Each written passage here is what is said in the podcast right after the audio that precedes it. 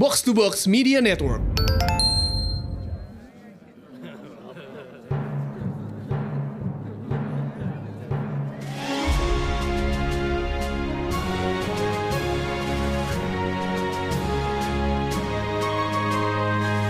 Perhatian, perhatian. Dongeng Paman Geri akan segera dimulai. Semua anak dipersilahkan untuk berkumpul. Halo, ketemu lagi dengan Paman Geri di podcast Dongeng Paman Geri. Apa kabar adik-adik? Adik-adik ciliknya Paman Geri pasti udah pada pinter-pinter yang juga suka bermain-main. Misalnya yang pernah lihat kupu-kupu. Ada yang pernah lihat kupu-kupu? Ada, ada ya kupu-kupu. Ini kalau kata orang-orang, tahu nggak? Kalau ada kupu-kupu masuk ke dalam rumah, Katanya itu tandanya mau ada orang yang akan bertamu. Lucu ya? Ya mungkin tamunya ya sesama tamu teman-temannya kupu-kupu juga. Tapi gini ceritanya, bukan hanya kupu-kupu, ada juga beberapa jenis serangga lain yang kelihatannya cantik atau juga indah, punya warna-warni yang bagus gitu ya. Nah, kali ini Paman Giri punya ceritanya tentang kupu-kupu dan serangga-serangga lainnya, tapi kasihan ada orang-orang yang hobinya menangkap mereka. Kira-kira boleh nggak ya? Nah, kita coba cerita ya. Di suatu hari yang cerah di padang rumput, ada beberapa anak kecil terlihat sedang bermain-main di dekat semak belukar. Hmm, kenapa main di situ ya? Padahal kan padang rumput itu kan luas sekali. Bisa main lari-larian, kucing-kucingan, main taplak, atau main tali, macam-macam. Eh, tapi tunggu, tunggu, tunggu. Loh, tunggu. Kok semakin mencurigakan ini? Mereka mengedap-ngedap di belakang semak-semak, lalu dengan gerakan yang cepat menangkupkan tangan mereka di atas daun-daun seperti sedang menangkap sesuatu. Tapi apa ya yang ditangkap itu? Kika, aku berhasil menangkap satu. Warnanya indah sekali. Merah total kuning. Wah, bagus sekali. Tapi sayangnya aku udah punya yang itu. Coba cari yang lain yuk. Aku mau cari yang warnanya keemasan. Waduh, waduh, adik-adik tahu nggak? Kika dan teman-temannya lagi apa? Mereka sedang menangkap kumbang koksi namanya. Tapi kenapa harus ditangkap ya? Kumbang koksi kan lebih baik dilepas di alam bebas, ya kan adik-adik ya? Tapi Kika ini ternyata senang sekali mengoleksi kumbang koksi.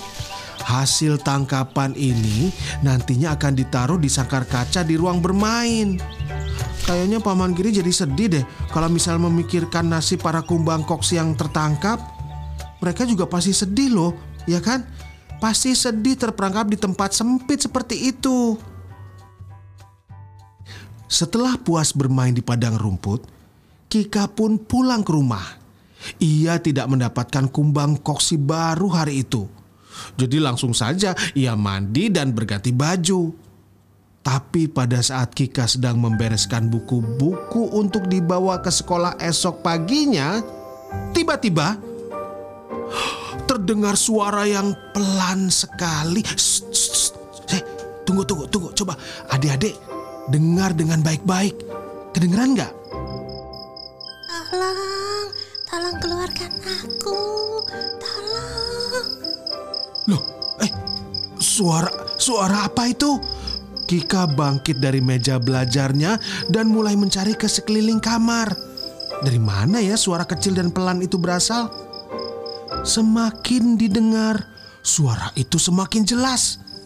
Kika menajamkan telinganya dan ternyata eh, suara itu berasal dari Sangkar kaca. Benarkah suara itu berasal dari sangkar kaca? Tapi di dalamnya hanya ada beberapa ekor kumbang koksi. Karena penasaran, Kika membuka sangkar kacanya lalu mendekatkan wajahnya ke pintu sangkar tersebut. Dan apa yang terjadi selanjutnya? seekor kumbang koksi cantik berwarna jingga keemasan hinggap di hidung Kika. Wah, Kika sempat kaget. Tapi kemudian diam saja supaya kumbang koksi itu tidak pergi. Gadis manis, kau mendengar suaraku tadi. Berarti kaulah yang harus membebaskan aku dari sangkar ini. Tolonglah, aku sudah berhari-hari disekap di sini. Aku harus pulang. Eh, kenapa harus pulang? Aku harus membawa obat untuk ibuku. Ia sedang sakit keras. Obatnya adalah daun pohon apel. Tapi saat aku akan menggigitnya, tiba-tiba ada tangan yang menangkapku. Aduh, aku aku khawatir sekali pada ibuku. Kika pun terdiam. Ia tidak tahu harus berbuat apa. Ia sangat menyukai kumbang koksi yang hinggap di hidungnya ini. Tapi kan kasihan juga. Dengan hati-hati, Kika memberitahu kumbang koksi itu bahwa dialah yang sering menangkap kumbang koksi yang berterbangan di padang rumput di belakang rumahnya. Sudah, sudah. Tak penting siapa yang melakukannya. Yang penting adalah aku harus segera sampai di rumah. Kalau begitu, keluarlah. Ambillah obat ibumu sebanyak yang kau butuhkan. Besok-besok kau datang lagi ya ke sini. Aku tidak akan menangkapmu lagi. Yang benar. Apakah kau juga akan melepaskan kumbang koksi lain yang ada di sangkar kaca itu? Iya, aku janji. Kalian memang indah dan aku suka mengoleksi kalian. Tapi tetap saja lebih indah di alam aslinya daripada dipelihara. Aku takkan menangkap kumbang koksi lagi kok. Terima kasih Kika yang baik. Aku senang sekali berkenalan denganmu. Sampai ketemu besok. Kika, Kika. Kok malah tidur di kursi belajar sih? Ayo bangun Kika. Oh, Kika tertidur ya bu? Iya, ayo bangun, cuci mukamu. Lalu kita minum teh sore.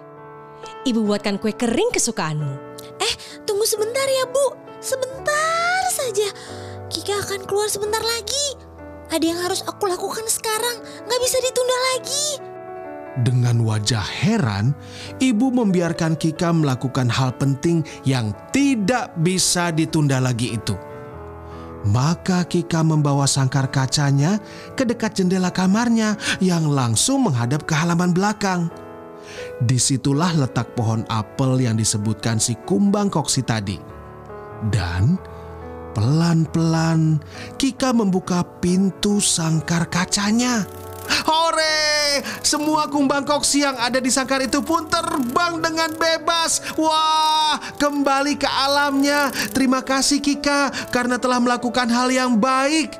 Nah, adik-adik, adik-adik tahu nggak yang disebut kumbang koksi itu adalah sejenis serangga yang sering kita sebut sebagai kepik atau kalau dalam bahasa Inggris dikenal dengan nama ladybug. Nah, selain hidup di darat, ladybug juga ada yang hidup di laut. Dan lucunya, badannya juga sama, totol-totol seperti yang hidup di darat. coba, coba nanti adik-adik cari tahu ya soal si ladybug atau ladybug yang ada di laut. Nanti boleh ceritakan ke Paman Geri ya. Sampai ketemu lagi di dongeng Paman Geri selanjutnya.